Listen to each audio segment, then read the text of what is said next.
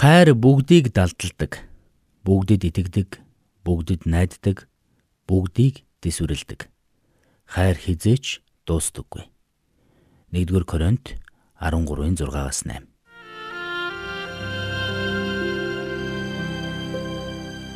Мэргэний сонсог, мэдлэгийн тэлэг.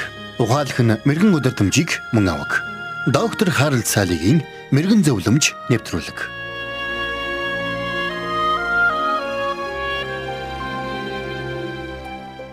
Та хэн нэгэнд хайртай болсноо хэрхэн мэдэх вэ? Хэн нэгэнд хайртай болсныг шалгаж мэдэх ямар нэгэн шалгуур бий гэж юу? Таны дотор байгаа сэтгэл хөдлөл жинхэнэ хайр уу эсвэл төр зүрийн хуурамч мэдрэмж үү гэдгийг та яаж мэдэх вэ? Үүнийг ялгаж салгах ямар нэг арга бий гэж юу? Хэрвээ та энэ асуултад итгэлтэйгээр хариулж чадахгүй байгаа бол би танд дараах зөвлөмжүүдийг өгмөр байна. Та тухайн хүнтэй харилцах харилцаанаас өөртөө юуг авах вэ гэж биш. Харин тэр хүнд юуг өгч чадах вэ? Үүн дээр илүү их анхаарч байгаа бол таны харилцаа жинхэнэ хайрын харилцаа руу ааж маажмаар төхөж байна гэсэн үг юм. Шинэ гэрээнд Илч Паул хэлэхдээ хайр дэвчээртэй инрэнгүй билээ. Хайр атаархдаггүй. Хайр агсгандаггүй, ихрэгдэггүй. Зүй бус авиралдаггүй, өөрийнхийг ирдэггүй, зэвүүрэгдэггүй, үс хураадаггүй гэсэн байдаг.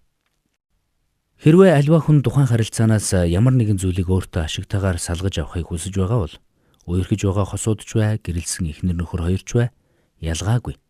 Тэр хүнд хайр байхгүй байх гэсэн үг юм. Хэн нэгэнд хайртай байх, дуртай байх хоёр тийсөөр ялгаатай гэдгийг та ойлгох хэрэгтэй. Харин та би, миний, минийх гэж биш. Харин бид, бидний, биднийх гэж асуудалд хандаж эхлэх үедээ таны харилцаа хайрын харилцаа руу ойртож байгааг санаарай. Гэрлэлт гэдэг бол хоёр амьдрал нэгдэж нэг амьдрал болох үйл явц юм.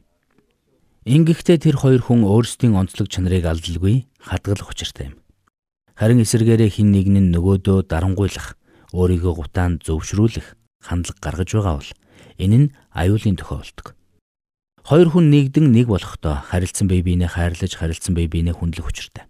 Үүндэл амжилттай гэрлэлтийн нууц оршдог.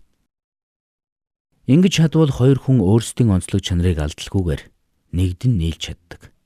Тиймээс хэрв цаад хүн чинь байхгүй бол таны амьдрал урдын шиг байж чадахгүйд хүрч байгаа бол таны харилцаа хайрын харилцаа руу ойртож байна гэсэн үг юм.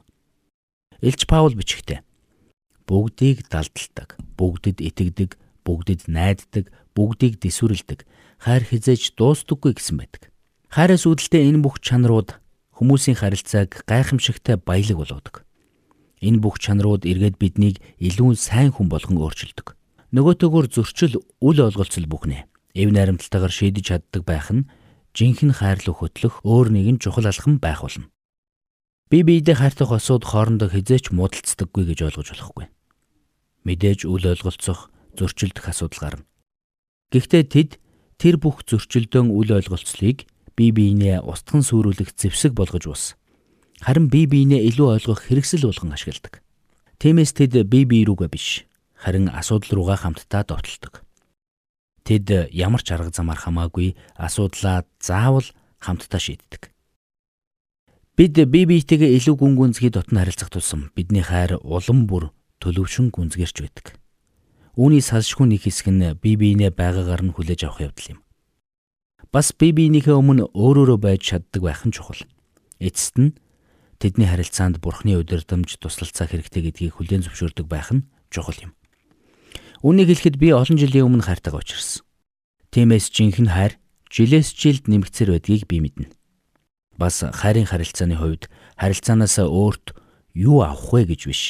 Харин харилцаандаа юу өгөх вэ гэж боддог байх нь хамгийн чухал гэдгийг дуршилгаараа олж мэдсэн юм шүү.